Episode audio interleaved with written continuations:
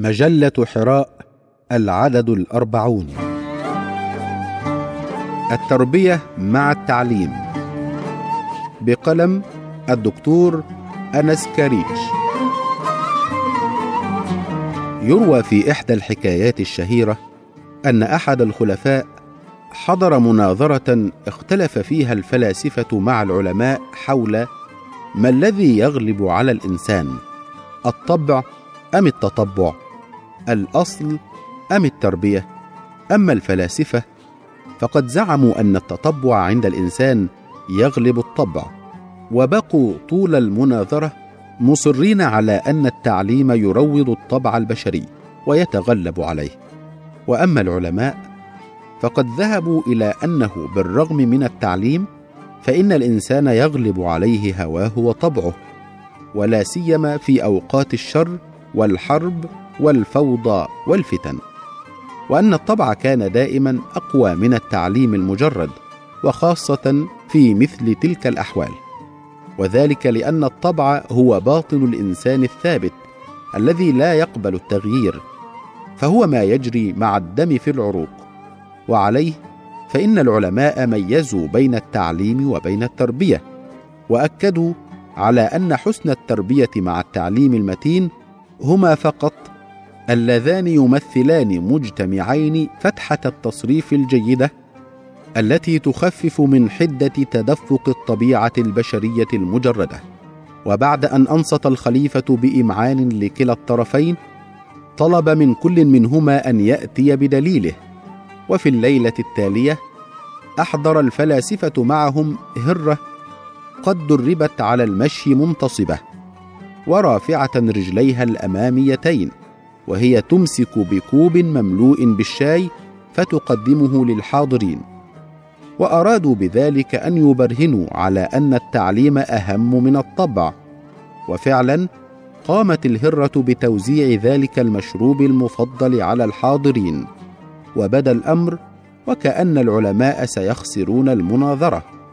ولكنهم رغم إعجابهم بما أبدته الهرة من مهارة طلبوا من الخليفة أن يسمح بعقد جلسة أخرى في الليلة التالية وأن تظهر فيها الهرة مرة أخرى المهارات التي دربها الفلاسفة عليها. وفي الموعد المحدد انطلقت الهرة توزع أكواب الشاي على الجالسين وإذا بالعلماء يخرجون عددا من الفئران ويطلقونها أمام الهرة فما كان من الهرة إلا أن رمت بأكواب الشاي وانطلقت تطارد تلك الفئران.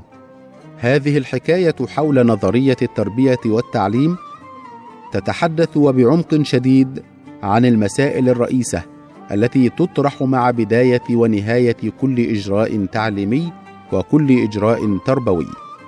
فهل ينحصر دور الأسرة والمدرسة والعمليات التعليمية في تدريس الإنسان وتعليمه؟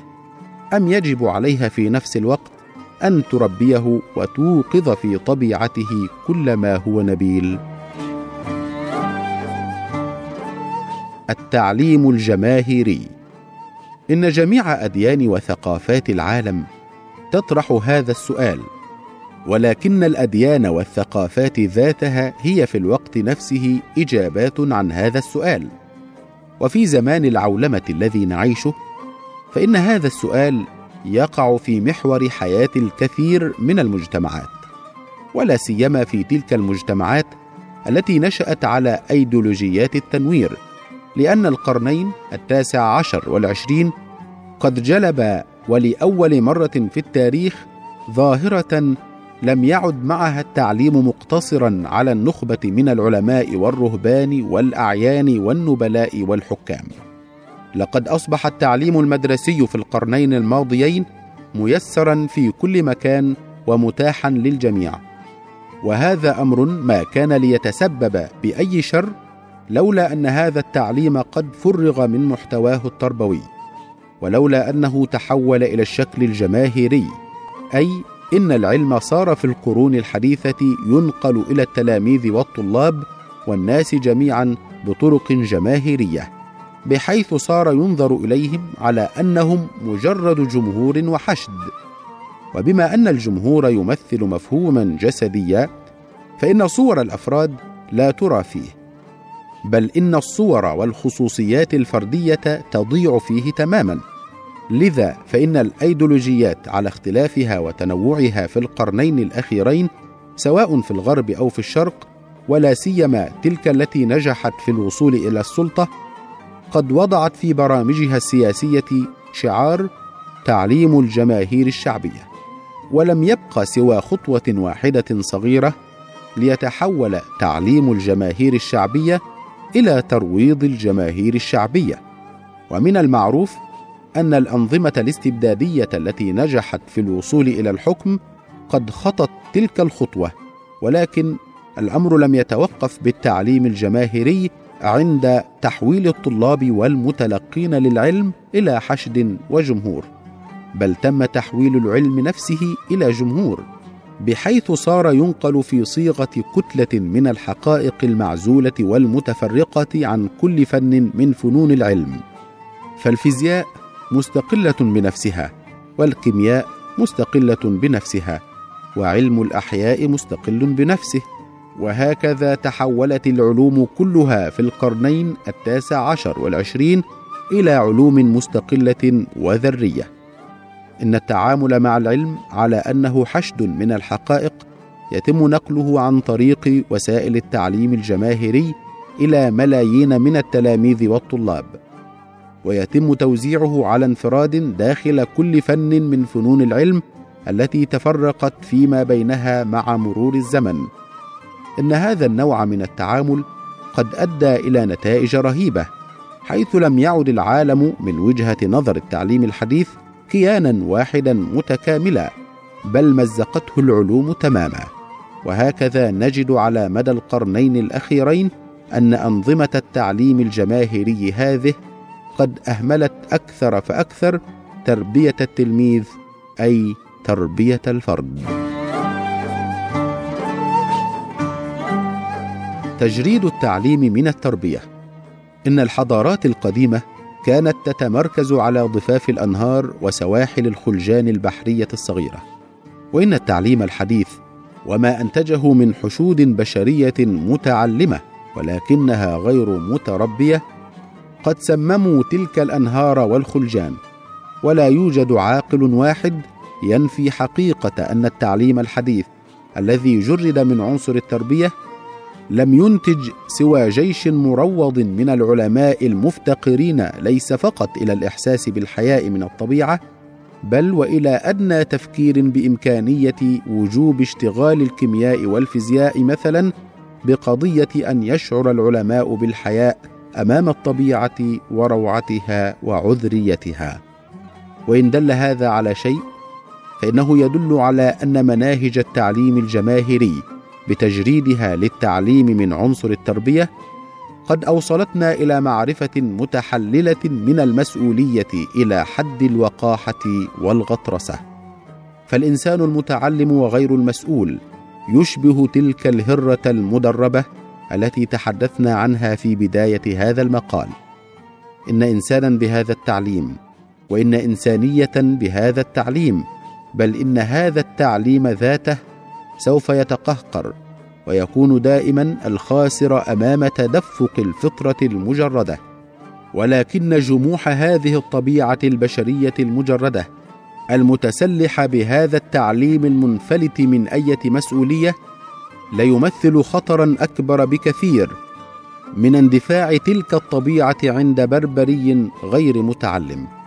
ولقد تحدث جلال الدين الرومي عن الإنسان المتعلم وفاقد التربية وكيف أنه يستفيد من عقله تماما كما يستفيد اللص من الشمعة وهو يسرق.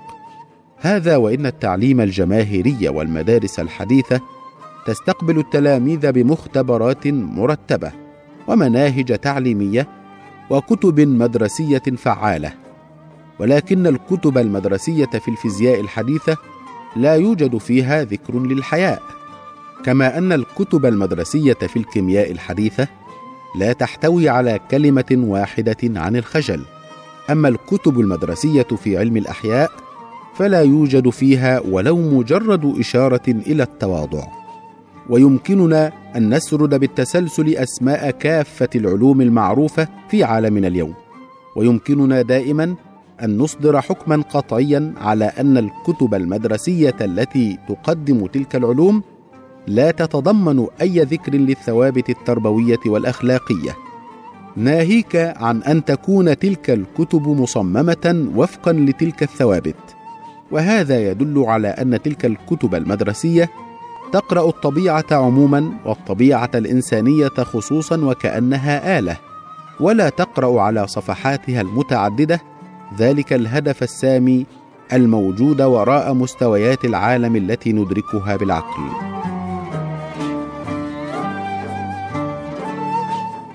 إن كتب الفيزياء والكيمياء والأحياء لم تفرغ من الحياء والخجل وتأنيب الضمير فقط بل إنها فرغت من الروعة والجمال والخلود ومن العالم والطبيعة.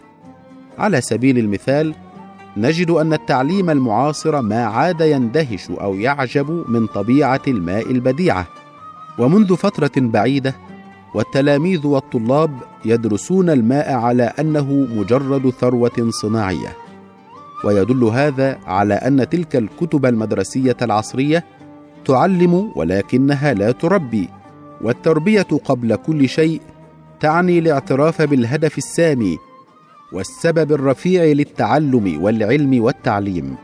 إن التربية تقوم على الثقافة والثقافة تقوم على الدين والدين يقوم على المقصد الأخير ألا وهو الله سبحانه وتعالى.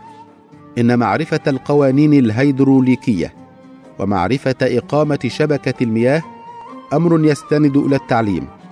أما الاغتسال بالماء فمرده إلى التربية والثقافة كما أن معرفة صيغة الصابون وصناعته أمر علمي.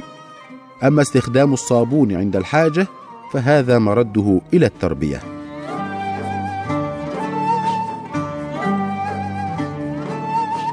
روح الإنسان والتربية. إن الأنظمة العصرية لا بد لها عاجلا أو اجلا أن تستعيد في ذاكرتها المناقشات الكلاسيكية حول روح الإنسان والتربية. ولا بد لها من العودة إلى معلمي الإنسانية القدماء الذين حددوا مجال التعليم ومجال التربية. وكما أن التعليم تدريب للقدرات الذهنية فإن التربية تنوير للضمير الداخلي وتنوير للقلب ذاته. ولذلك فإن التعليم والتربية جانبان متساويان ضروريان لاعتدال الإنسان الروحي. ولكن التعليم الحالي يعاني من خلل كبير في التوازن بين هذين الجانبين لأن التعليم بدون تربية يتحول إلى قوة هدامة تهيمن على الطبيعة وعلى المجتمع البشري. أما التربية المجردة عن التعليم فرغم أنها تؤدي إلى الاستقامة الأخلاقية إلا أنها مع مرور الزمن تضعف وتتحول إلى المواساة كملجأ وحيد يلجأ إليه. اذا عند إقامة التوازن من جديد بين ذاك كيف نتعلم وذلك كيف ينبغي وكيف نحسن صنعه لا بد لنا أن نستحضر في أذهاننا أن التعليم والتربية ليس عمليتين يكتسبهما الإنسان دفعة واحدة إلى الأبد بل إن التعليم والتربية عمليتان مستديمتان ومتجددتان ينبغي دائما الرجوع إليهما والسهر عليهما. وعندما يتعلق الأمر بالتربية والتعليم فإن السؤال الرئيس الذي سنبحث عن إجابة له في القرن الحادي والعشرين هو كيف التوصل إلى التعليم المربي؟ وكيف نحقق التربية المتعلمة. والبشرية التي تنجح في التوصل إلى هذه التركيبة ستكون هي البشرية السعيدة.